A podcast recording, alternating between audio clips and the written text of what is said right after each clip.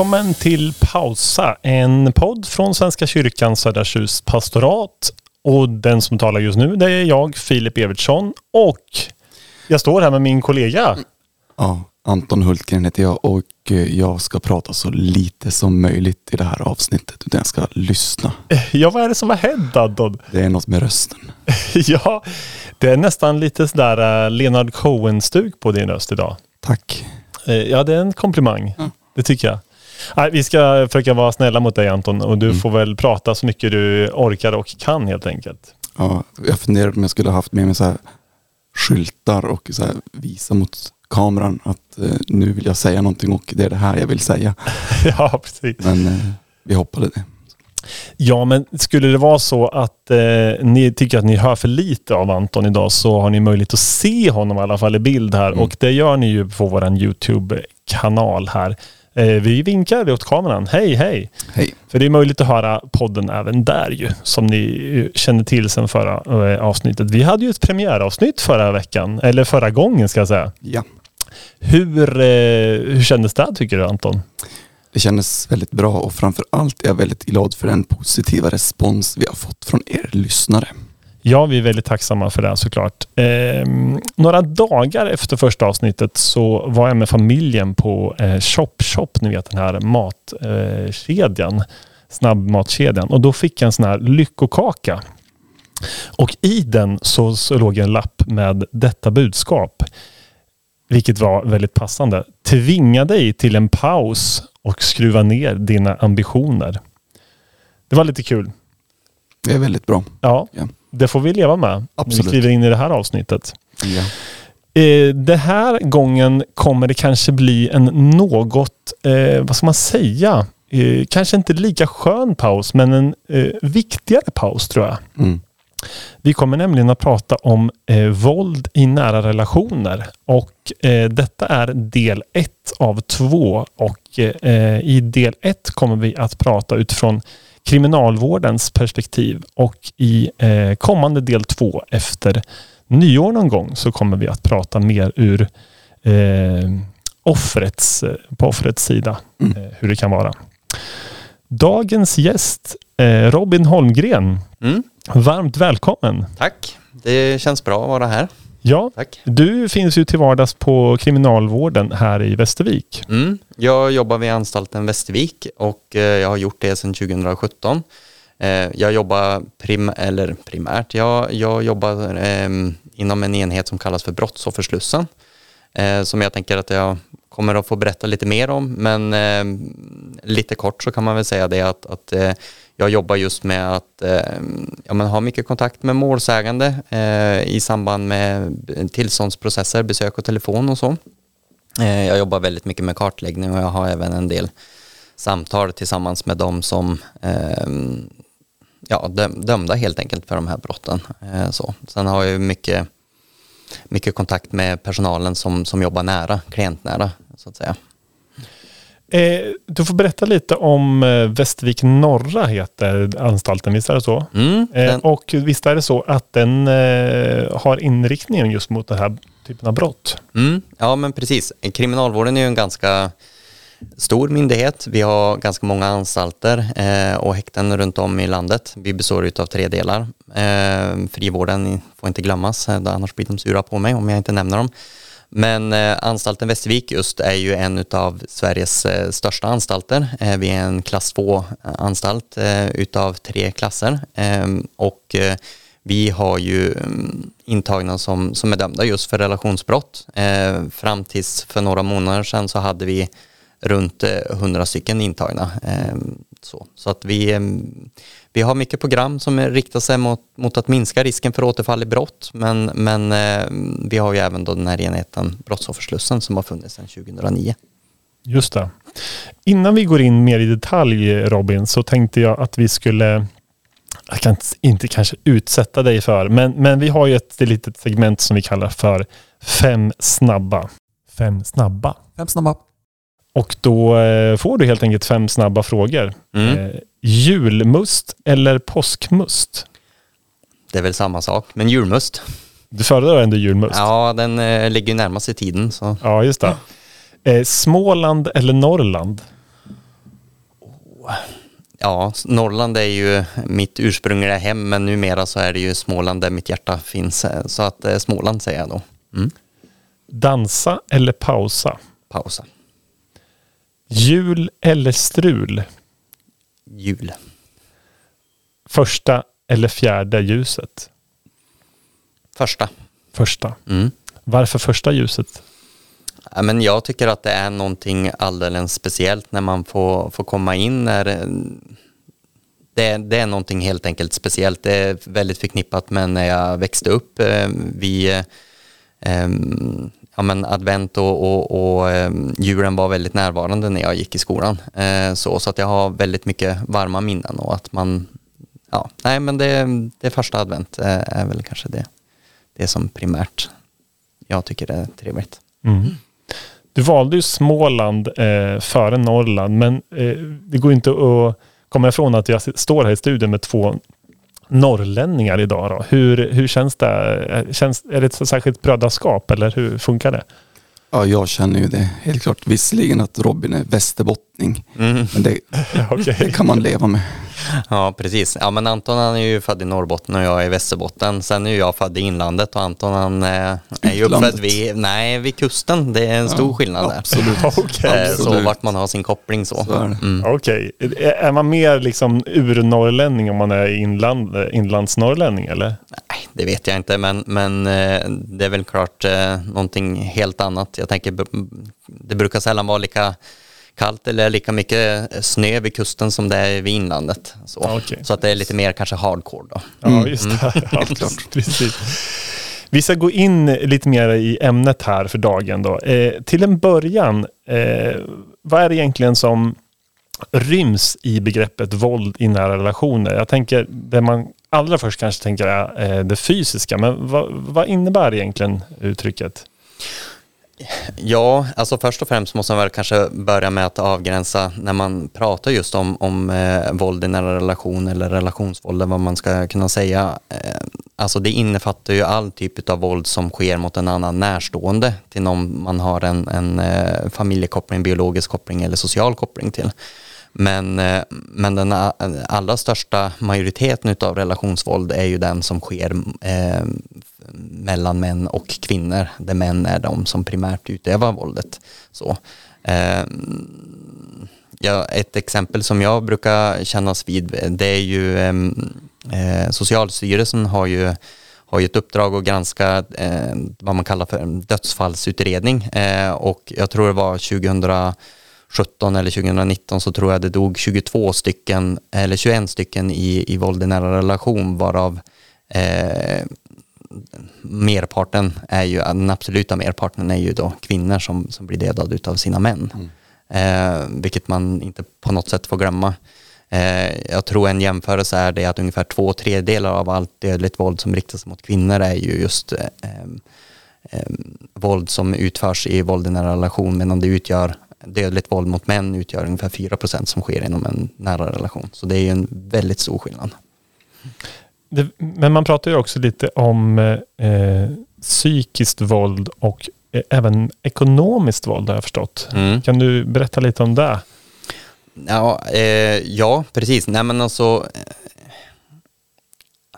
eh, jag tänker så här det, att, att de, när de allra flesta tänker våld, inklusive de som kanske är utsatta, så tänker man just det att det ska vara eh, hårt, grovt eh, fysiskt våld. Men, men eh, våld ser ju så himla olika ut beroende på vem vem som eh, blir utsatt. Ofta så, det finns ju någon form av trappa eller pyramid eller vad man nu ska säga det. Där eh, oftast börjar det ju med, med psykiskt våld, det är kontroller, det är kränkningar, eh, det, är, eh, det är att man eh, helt enkelt trycker ner någon. Mm. Och så sen så, så eskalerar ju det där till, till en annan typ av våld. Och när, när man nu pratar om för du frågade om, om eh, psykiskt våld. Mm. Och det är just de här kränkningarna då kanske, eller kontrollerande beteende, ofredande eller eh, eh, olaga förföljelse eller vad, vad man nu vill. Stalking. Ja, men precis, och olaga hot då. Eh, sen, sen kan det ju vara små saker, alltså att det är små pikar eller att man, man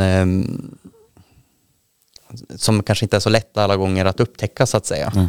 Eh, sen trappas det där upp och när man pratar om ekonomiskt våld så, så pratar man ju om att eh, det är ju givetvis olika, men en del kanske inte får kontrollera, eh, ha koll på sina egna pengar. Man kanske, man kanske blir utsatt för en typ av, alltså att man tar lån i den här andra personens namn eller att man eh, ja, helt enkelt undanhåller möjligheten att själv kunna göra ekonomiska beslut så att säga. Och att, att det framförallt riktas in, eh, mm, ja, att det riktar sig mot kvinnan. Ja, ja precis. Eh, du nämnde lite inledningsvis att du jobbar för något som heter med Brottsofferslussen. Mm. Eh, du får bena ut, vad betyder ordet brottsoffersluss? Ja, eh, Brottsofferslussen har ju funnits i Västervik sedan 2009 ungefär. Det tillkom efter ett eh, särskilt uppdrag från, från regeringen att, eh, att man skulle jobba just med, med eh, kvinnors utsatthet och att man, man helt enkelt upptäckte det att det, det förekom en hel del Alltså att, att våldet fortsatte även efter att eh, de här männen blev intagna på anstalt. Man eh, upplevde att de här kvinnorna fick ett ganska dåligt bemötande, man var väldigt dömande, det var väldigt skamfyllt helt enkelt. Eh, och ehm, sen då det här uppdraget, så, och det har ju utvecklats jättemycket. Det är ju ingenting som har stått stilla överhuvudtaget utan Eh, vårt uppdrag är ju ganska dynamiskt, det ändrar ju sig hela tiden, men, men väldigt kortfattat kan man säga det att vi jobbar just med, med att kartlägga eh, klientens brottslighet, eh, se på vilket sätt som våldet har utövats. Vi har en eh, kontakt tillsammans med den som har varit utsatt, målsägande kallas ju det för.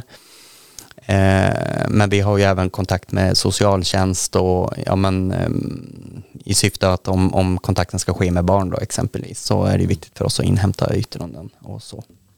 Pausa! Eh, när det gäller eh, själva, vad, vad, ingår liksom i, i en vardag eh, i själva ja, men hur, hur, hur, hur arbetar ni så att säga till, till vardags med, med de här personerna som sitter, sitter inlåsta? Hur, hur menar du med, med jobbar? Ja, men alltså vad, vad ingår i, i, i, i ett vardagligt schema så att säga? Mm. Nej men eh, det är ju så det att, att eh, för att eh, de här människorna ska det, det, första egentligen kan man säga att det, det initieras ju med att klienten ansöker om en kontakt. Är det så att det är en kontakt som ska ske med den som har varit utsatt eller ett minderårigt barn så, så får man fylla i en, en, eh, en blankett som är för internt bruk där de får fylla i personuppgifter, eh, hur man ska komma i kontakt med dem eh, och då efter man har gjort den här utredningen eh, och kanske samtal med, med honom så har man ju en kontakt med, den, eh, med kvinnan eller med barnen eller mamman eller vad det nu må vara för något. Och så sen så har man ju, eh, man efterfrågar ju ett muntligt samtycke. Det är ju så det att all form av kontakt som ska ske mellan den som är intagen och, och människor på utsidan, förutsatt att det inte är en eh, myndighetsperson, så krävs det ett samtycke från den som ska ta emot de här samtalen eller de här besöken. Eh, och eh, Ehm, för att det inte ska förekomma påtryckningar så inhämtar man dem muntligt för att då har man ju också en möjlighet att kunna ja, men utforska lite grann. Ja, men, eh, du säger ja nu, men, men vad beror det på? Ja, men det beror på av den här skälet eller han, han, ehm, det, han mår bra utav, han har skrivit det att han mår bra utav att ha kontakten och det är klart att jag ställer upp på det så att säga. Eh, och det vi vill egentligen veta eller det vi egentligen frågar om det är ju att vad vill den här personen själv så att säga. Sen när vi har inhämtat ett samtycke om det är så att eh, ehm, kvinnan i det här fallet då samtycker eh, så, eh, så presenterar vi, vi sammanställer ju det material och de uppgifterna som vi har fått i vår utredning och så sen så presenterar vi det för, för ett kollegium, alltså för eh, beslutsfattare eh, där vi redogör för vad vi ser för någonting, vad vi, alltså man väger ihop de här riskerna. Dels risker med klienten, Eh, är det så att han tar ansvar för sitt brott? Är det så att han förskjuter ansvaret på henne? Eh, hur, eh, hur, hur är hennes eh, mående? Kan hon själv, eh, kan hon eh, själv kanske mm, ja, det är lite svårt. Men alltså, man väger de här olika sakerna mot varandra och utifrån det så, så landar man i ett beslut helt enkelt. Ja, men precis. Det här måste ju vara en, en väldigt viktig process att eh, göra den här typen av intervjun som ni gör då. Eh, mm. För att få fram om den här eh, kvinnan då oftast, eh, vill hon verkligen träffa den här Mm. mannen? Mm. Eh, för det är ju, som du säger, det kan ju vara lätt att hon svarar ja för att eh, han säger att han mår bra av att ta kontakt och att hon det kanske också finns rädsla tänker jag. Det är, alltså, vi kommer ju att komma in kanske på det, men, men det här med normaliseringsprocessen, man kanske inte ser den som någonting onormalt eller att man kanske inte ser eh, ett kontrollerande beteende eller man tycker inte att det är onormalt på något sätt. Eh, och, eller så är det så det att man kanske har ett behov också av att veta, är han arg på mig? Eh, vad tänker han om framtiden? Och då kanske det kan kännas tryggt då att Ehm, då kan det kännas tryggt att ändå ha en, en form av kontakt. Men det man ska veta är ju det att framförallt när det gäller kontakt med målsägande så har vi något som kallas för eh, BOS-besök, brottsofferslussbesök. Då. Eh, och det betyder ju det att, att, eh, att man träffas, eh, man och kvinna, eh, tillsammans med min kollega som jobbar eh, där vi helt enkelt kommer att prata om brottet och även eh, hur brottsligheten har sett ut och kan han ta ett ansvar för det och kan, kan vi se även i den situationen att eh, ja, men han kan till fullo ta ansvar. För det är ju kanske en sak att säga det till mig, det är att jo, men jag tar ansvar. Men när man kanske ställer frågan om på vilket sätt kan du ta ansvar? På vilket sätt kan eh, hur kan du se ditt eget beteende utifrån? Liksom, vad, vad är det för någonting som, som du själv kan tänka dig att vad är det du gör, vad har du gjort för, för reflektioner, tankar eller så? Och det behöver ju inte betyda att man kanske kan ta ansvar till 100 procent, för det kanske är så att man inte, det är ju svårt för oss att avgöra om det är så att man verkligen minns allting. Man kanske var påverkad när det här skedde eller liknande, men, men syftet är egentligen det att vi, vi, vi, man ska känna lite grann på pulsen och se. Och utifrån det så kanske man kan ta ett, en ställning om om man ska ha en eh, kontrollerad kontakt, eh, telefonkontakt exempelvis efteråt. Så. En sak jag har funderat lite grann på är ju eh, hur det kommer sig att eh, de här männen då som det eh, i stor del handlar om. Hur kommer det sig att, de, att det blir så här? Eh, hur kommer det sig att de gör det här brottet? Eh, det är naturligtvis en väldigt svår fråga förstår jag. Mm. Men, men kan man säga något? Finns det någonting i, i deras bakgrund som ändå är eh, hyfsat detsamma? Mm. Förstår du min fråga? Mm. En gemensam nämnare. Ja, gemensam Mm. nämnare lite grann. Hur kan det bli så här? Ja, ehm, jag, jag tänker lite grann så här det att, att eh, det här är en fråga som kommer ganska ofta och jag tänker det att, att man, man är ganska benägen för att man, man vill hitta någon idealiserad att det här är den personen som blir utsatt. Eh, det här är det, det ideala offret eller så här ser en förövare ut. Jag tänker så här det att vem som helst kan faktiskt vara utsatt för våld i nära relation. Vem som helst kan faktiskt också utöva våld i nära relation. Eh, så att det går inte att säga det att det är just den här samhällsklassen eller det är den här, med den här typen av bakgrund som, som kommer att bli utsatt eller utsätta. Eh, sen, eh, sen är det ju klart det att, att det, det finns ju forskning som visar på det att, att har man varit utsatt exempelvis för, för våld tidigt så finns det så är man har man en större sårbarhet för att bli kanske utsatt i ett senare skede också. Alltså om man har blivit utsatt som barn exempelvis. Ja, för jag tänker, eh, är det så att de själva har blivit utsatta i, i, stor utsträckning skulle du säga? Som själv, alltså att de har börjat livet lite i uppförsbacke så att säga. Alltså nu har jag ingen statistik, sta- statistik på det, men däremot Nej. så är det ganska många som, som, eh, som kan eh, prata och reflektera om att de själv har varit med. Alltså kanske när, när en förälder har varit våldsam mot en, mot en andra eller att det, det har förekommit på olika sätt. Men jag tänker det att många ser det ju inte det man gör som, som brottslig på det sättet. Alltså att det, det, det är väldigt mycket skuld och skam för, förknippat med det här, både att bli utsatt och att utsätta. Eh, och att man, man, eh, man har flyttat gränser tillsammans. Så det är inte säkert att man ser, eh, ja, men när man pratar om, om ja, men har, har du blivit utsatt för våld? Ja, men nej, det har jag inte blivit det. Men har du blivit knuffad någon gång? Ja, men det kanske jag har blivit. Eller eh, just därför att det, det är så mycket i betraktarens ögon, vad, vad är våld? Vad som är våld för mig är inte samma sak vad som är våld för dig eller för dig. Eh, så. En sak eh, slog mig vid något eh, tillfälle att eh, det var något seminarium jag var på och det var just det här med vad är våld, vad räknas som våld? Och när man börjar räkna upp allting vad som räknas till våldsbeteende. Då tänker jag bara, men herregud, vem har inte blivit utsatt för våld? Mm. Eh, indragen veckopeng, är det liksom eh, att bli utsatt för våld? Mm. Utegångsförbud, eh, etc. Mm. Så där kan du inte klä dig, det fattar du väl? Mm. Mm. Eller kontrollerande beteende eller så. Ja. Ja, men precis. nej men eh, jag förberedde lite grann för jag fick ju lite frågor inför det här då med, och, så att, eh, och då tog jag reda på lite, lite material då och bland annat av nationella trygghetsundersökningen från 2019 så kan man se det att andelen kvinnor som upplever det att de har blivit utsatta någon gång eh, blivit utsatt för olika former av allvarligt våld i livet eh, så ligger ungefär 46 procent utav kvinnorna som uppger och 38 procent utav männen. Sen ser ju våldsatthet för kvinnor ser ju helt annorlunda ut hos män än hos kvinnor exempelvis. Eh, men i mycket större utsträckning blir ju utsatta på, på allmän plats av någon som de inte känner. Just det. Ehm, och, och kvinnor är det tvärtom. Det är i hemmet som man oftast blir och av någon som är närstående. Mm. Mm. Så att, mm, så att eh, det är skillnad helt klart. Men vad skulle du säga då?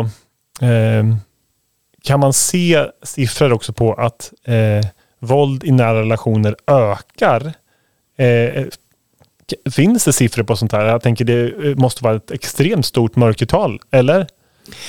Jag, jag tänker så här det att, att, eh, eh, att det här våldet sker, det vet vi. Eh, sen hur mycket det rapporteras eller inte, det är eh, det varierar ju och jag tänker att det här handlar ju helt och hållet på hur mycket vi pratar om, om våld. Jag tänker det att eh, i samband med metoo och man, man pratade just om våld i en relation, det var ju väldigt, för ett antal år sedan var det väldigt stort på temat det, att man pratade just om, om våldsutsatthet och så.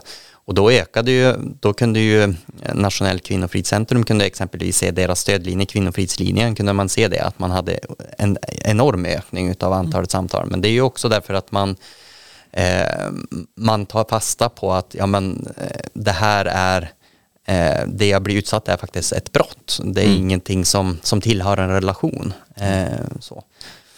Och jag tänker också det att, att eh, jag vet inte, när, in, innan jag började på kriminalvården så hade jag en föreställning av att, att eh, våld i unga relationer exempelvis inte är lika allvarligt som, som eh, alltså att man kanske, det tar ett tag innan man eskalerar, men oftast är ju eh, våld i, när, alltså i unga relationer är ju jätteallvarlig. Och de är ju oftast mycket mer, det är mycket mer kränkningar, det är väldigt mycket mer kontrollerande beteenden. Eh, inte för att inte det finns i mognare relationer också, men, men eh, eh, det är ju också så det att, att eh, arenorna har ju blivit mycket större att vara utsatt på. För, för 20-30 år sedan kanske det var mer det, det fanns ingenting som kallades för, för sociala medier eller internet på det Nej, sättet, utan idag så är de ju i mycket högre utsträckning digitala exempelvis. Mm.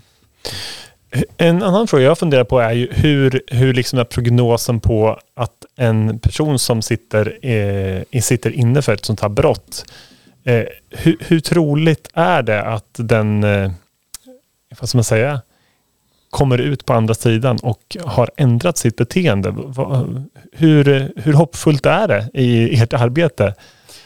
Ja, eh, det finns ju givetvis, alltså statistik är ju så att det går ju att vrida och vända på alla möjliga olika sätt och vis eh, för att hitta det som, det som gynnar att man vill påvisa att det har skett en minskning eller att det har skett en ökning beroende på vilken utgångspunkt man har. Men eh, så här, eh, kriminalvården eh, gör ju utredningar generellt sett på, på de personerna som blir dömda för brott och då det genererar en risk för återfall så att säga det. Och det gör man ju utifrån ett eh, undersökningsmaterial, ett form av enkätmaterial eller vad man ska säga där man eh, går igenom klienternas eh, attityder och värderingar eller antisocialt personlighetsmönster eller vad det nu kan vara för någonting och där, där hittar man riskfaktorer eller behovsnivåer. Eh, men vi graderar ju våra klienter utifrån låg risk, medelrisk eller hög risk eh, för, för återfall i brott. Eh, så, men jag, jag tänker också så här det är att, att hur ofta de återkommer inom kriminalvården, är det kanske inte lika ofta, men vad det beror på. Eh, jag, jag träffade en polis som pratade om som sa det att ja, men återfallsrisken är skyhög. Eh, ja, alltså det, det beror ju helt och hållet på vad man mäter ifrån. Allting blir inte anmält heller. Mm. Så. Pausa. Hur skulle du... Eh, hur skulle du jag förstår att ni har ju fokus på att eh, göra allt ni kan för att eh, hjälpa den som eh, sitter inlåst hos er. Så att säga. Men, men hur, hur mycket ansvar känner ni att ni eh, kan och bör ta för kvinnan och eventuella barn på utsidan? Ehm, nu har vi pratat väldigt mycket om, om kvinnors utsatthet och de vux, den vuxnas utsatthet. Jag Mm. tänker det att, att eh, arbetet med bar, eh, barnperspektivet och, Mm. och barnfokuset är ju jättestort. Det är ju Mm. någonting som har eh, blivit ännu mer aktualiserat i och med att barnkonventionen blev svensk lag. Att vi fick Mm. den här nya lagstiftningen som kallas för barnfridsbrott. Mm. eh, så lyfter man ju upp mycket högre, i mycket högre eh, grad. Ehm, och jag tänker det att, att vi har ett ganska stort ansvar att se eh, att barn, exempelvis, vi har ju oftast kontrollerade barnsamtal då exempelvis, att det är barn, eh, samtal som sker på barnets villkor och efter barnets behov.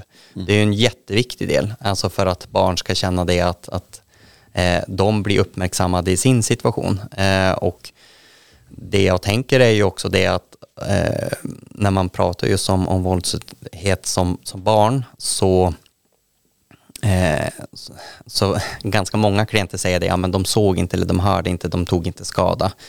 Eh, men men eh, forskning visar ganska tydligt det att, att eh, våld eh, som barn får uppleva är väldigt allvarligt och det påverkar alla barn i alla åldrar väldigt eh, allvarligt. Och det kan ju få egna problem med, med psykisk och fysisk ohälsa men alltså jag tänker det att, att det, det händer någonting med de här barnen som, som får leva i den här eh, ja, i den här miljön helt enkelt. Så att man kan inte säga det att barn inte lider någon skada utan många, många gör det och det är ju viktigt också det att barnen får möjlighet i samråd med, med BUP eller med, eh, med socialtjänsten att man får exempelvis stödsamtal och att man får bearbeta sina upplevelser fristående från föräldrarna utifrån ett barnperspektiv mm. givetvis. Ja, för jag tänker att även om inte barnen eh, har sett vad som har hänt så har man kanske hört eller misstänkt. Och det kan ju i Sätt sig... spår kanske. Ja, men precis. Så jag tänker att eh, en sån typ av trauma... Inte, Eh, ja, eller? Inte, intervjustudier med barn visar faktiskt det att det är eh, betydligt mer traumatiskt för barn att höra våld än att se våld. ja, jag tänker det. Därför För då kan man ju själv tänka sig liksom, hur ser det här ut? Man, man vet inte om den som, eh, som blir utsatt, om den personen kommer att leva. Man, eh, jag tänker också det att, att man kan absolut se barn som, som offer, men barn agerar ju också väldigt mycket i, den här, eh, i de här situationerna för att eh, minska eh, våld mot, mot, den, mot den utsatta, mot, mot en partner eller vad det nu kan vara för något. Eh, och att man går emellan och man har olika strategier för hur, hur ska jag förhindra att det här sker eller så. Eh, ja. Så att eh, just det här med att, att höra våld men att inte veta vad det är som händer är oftast mer traumatiskt för barn. Så. Vi kan väl säga det att eh, det finns ju en eh, podd i ämnet som Robin också har eh, figurerat i. Och den podden heter Det gömda våldet ingen ser. Så är man intresserad av att lyssna mer kring det här ämnet så kan vi rekommendera den podden och du är med i avsnitt nummer 22. Mm. Ja, precis. Stämmer. Eh, nu måste jag fråga dig Robin. Det är ju det är ganska mörkt eh, det vi pratar om. Eh, hur, hur får du kraft eh, i vardagliga arbetet och var hittar du inspiration och lite så tänker jag. När, när känns jobbet meningsfullt? Och de, det, det är jag intresserad av att få, få höra. Ja, eh, nej men jag, jag tänker man måste alla hitta eh, sitt eget sätt att hantera liksom det, man, det man ser och det man hör och det man eh, får läsa och se så. Eh, självklart, men jag tycker att det är väldigt hoppfullt när man, när man får höra att eh, den som har varit våldsutsatt, våldsutsatt kanske eh, känner det att man fattar beslut för e- egen del. Det är ju inte så att, jag brukar vara väldigt, väldigt tydlig både mot eh, kvinnan och mot mannen, det är att jag är egentligen inte, inte alltså Eh, jag är inte intresserad av relationen i sig, utan Nej. det är det skadliga som, som vi har att bedöma. Alltså vårt utrymme i fängelselagen är ju då att, att ja men det, det handlar ju om skada för annan så att säga det och där vi har ett särskilt fokus på just den som har varit brottsutsatt då, eh, att vi måste bedöma för att det inte ska vara. Men, men, eh, men just det att så det är inte relationen i sig utan det är ju det, det skadliga eller det dåliga som, som eh, vi behöver eh, kanske eh, ge avslag för. för Mm. Alltså att man inte kan ha om, om det är en skadlig kontakt så att säga eller att det blir en Mm. fortsättning utav, av, av ett våld så att säga. Så att, eh, men ehm, gånger då jag känner det att man har lyckats, det är väl också det att, att när eh, ja, när man vet med sig det att, att, eh, att de går stärkta på något sätt ur processen. Vi är ju inga terapeuter eller så, vi är ju inga psykologer, det är inte det som är vår roll, utan men, men när de själv säger det att de kanske inte har haft någon kontakt med en socialtjänst, som aldrig haft eh, någon att prata om, att de kanske har tagit steget att de själv har, har jobbat med sig själv och samma sak också med med männen när de säger det att de, ja men jag kan se mig själv i mina risksituationer, jag kan se också när, när det är så att jag eskalerar, när, jag, Mm. när, jag, när det finns en risk för. Eh, då tycker jag det kan kännas väldigt bra. Sen är det ju väldigt roligt med när man eh, får träffa barn också, för, för barn har ju så otroligt eh, roliga föreställningar. Jag kommer framför allt ihåg eh, ett barn som, som gärna vill vara med och trycka på alla knappar och sådär. Och det, det tycker jag är väldigt roligt. Alltså när man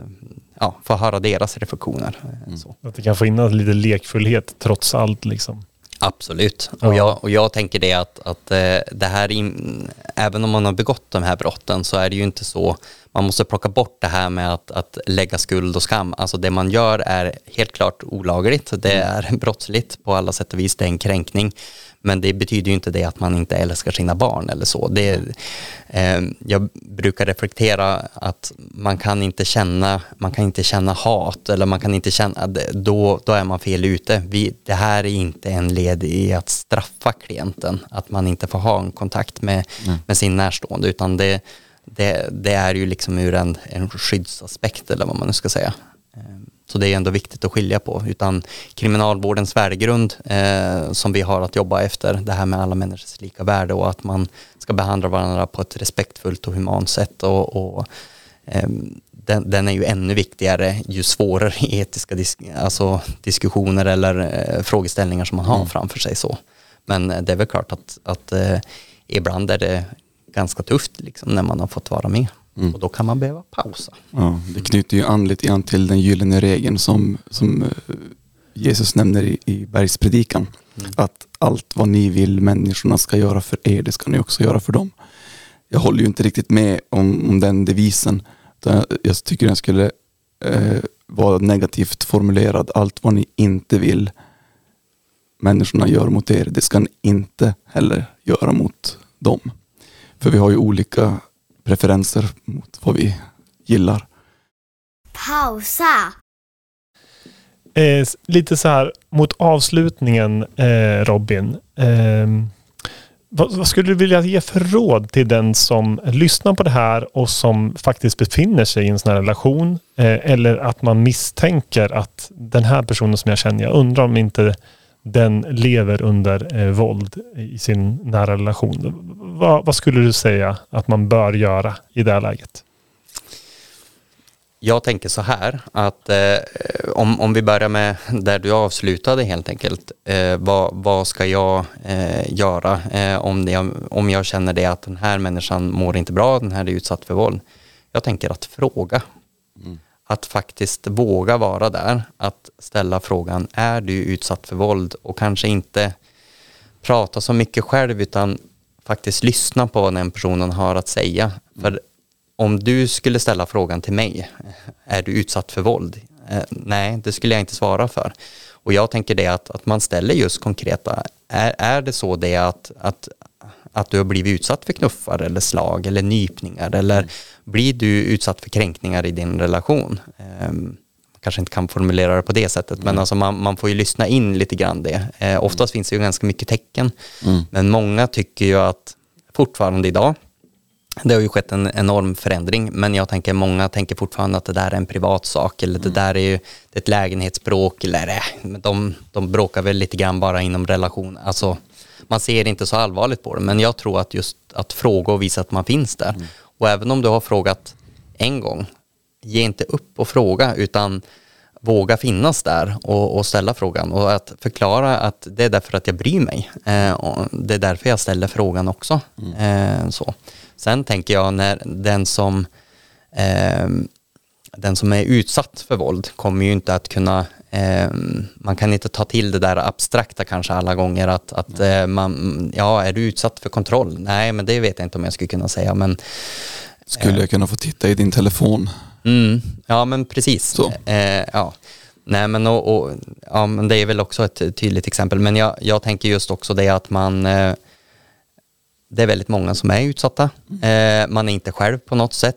Eh, det brukar jag säga det att, att eh, eh, just det här med utsattheten det är att det är väldigt många, för, det, för många utav de kvinnorna som jag pratar med, för det är oftast är det ju kvinnor då, eh, säger det att ja, men att man känner sig så ensam i det här men att jag brukar bara säga det att jag, jag pratar väldigt mycket med, med människor som är utsatta för våld och det är inte något ovanligt det du beskriver, inte för att företa någon, någon känsla det men det är inget ovanligt och det är många som tycker att det är ganska skönt också att, att veta det att man inte är själv i de här situationerna. Man, man eh, kanske har, eh, man får en frågeställning att ta ställning till om, om man ska ha, låta pappa ha kontakt med barnen. Eh, man kanske vet med sig eh, olika och det är väl inget fel med att säga det att, att det är svårt. Det är jättesvårt och det är inte lätt. Men jag tror att, att man halkar gärna in i att vilja säga att det är svart eller vitt. Att det är så enkelt. Det är många som säger till mig, ja men det är väl bara att ge avslag rätt av. Säg bara nej. Nej, men det handlar inte om det. Det här handlar ju om processer som man måste arbeta med själv. Man måste också hinna. Det är kanske så också det att, att eh, när man ska ta ställning om det här, det är kanske, vi, vi tar ju oftast hjälp av socialtjänsten eh, för att göra ett yttrande om det är så att kontakt genom besök eller telefon. Eh, just också för att eh, socialtjänsten ska få upp ögonen. Är det så att det här barnet är i behov av stöd och stöttning, men också det för att kanske bolla med den här föräldern att vad är egentligen barnets bästa? Eh, för, för det finns en föreställning på något sätt det att de här barnen, de, de på, får på något sätt alltid finnas där för att eh, de finns till för sin, för sin pappa så att säga, för att pappa mår dåligt eller pappa behöver det här. Att det förekommer ganska mycket påtryckningar antingen från mamman eller från farmor eller eh, vem som helst. Det är väl klart att du ska prata med pappa, men barnen är ju sitt eget subjekt, alltså de, de har ju rätt att få, få ge sin egen mening om vad de själv vill. En del barn vill jättegärna ha kontakt, en del vill absolut inte ha. Och vi, all kontakt måste ju ske frivilligt Mm. eh, och det måste ju ske utifrån ett barnperspektiv exempelvis. Ja, men precis. Det är inte lätt och vi i den här podden kommer heller inte att lösa knuten. Men vi har i alla fall börjat prata om det. Det känns väldigt bra att vi har gjort det här tycker jag. Absolut. Och eh, vi är väldigt glada att du ville vara med Robin och eh, ge oss eh, denna informa- viktiga information. Mm. Eh, lite mot avslutningen Anton. Eh, vi som kyrka, Mm. hur eh, arbetar vi med, vad, kan vi, vad kan vi göra? Hur kan vi hjälpa till? Ja, dels som Robin säger att vi kan absolut bidra med att lyssna samtala. Eh, det finns jourhavande präst, dit kan man ringa. Då ringer man 112 och ber att få bli kopplad till jourhavande präst. Och då sker det ganska snabbt. Jag tror att det är mellan 21 och 06.00 nattetid. Så det är ganska specifika tider. Man kan besöka sin församling också eh, och be att få prata med någon med tystnadsplikt. Om det är en diakon eller om det är en eh, präst. Mm. Och sen tycker jag också att eh, jag vet inte vad jag ska säga riktigt där. Nej, men jag tänker att det, det kan vara bra att veta ju att man har möjlighet att Mm. söka jourhavande präst. Mm. Det kan också vara så att man lever i, i ett ganska litet samhälle Mm. eh, och det kanske känns eh, lite obekvämt att Mm. prata med, Ja, med prästen eh, Mm. på den lilla orten. Då Ja. kan det vara skönare att prata med någon någon mer eh, neutral röst på Ja. annan, som man inte vet om vem det är. Precis. Ja. Jag tror att vi nästan ska eh, runda av här. Eh, vi, när den här podden eh, sänds så är- närmar vi oss första adventstider ju. Så håll utkik på eh, vår hemsida och våra sociala medier om vad som händer i våran kyrka. Och ni har alltså lyssnat på Pausa, en podd från Svenska kyrkan, Södra Tjus pastorat. Och skulle det vara så att du har hört den här podden på eh, via en eh, Spotify exempelvis så eh, vet du också nu att den finns då på Youtube och det är därför vi vinkar åt kameran här. Tack för att ni har lyssnat och tack Robin för att du var här idag.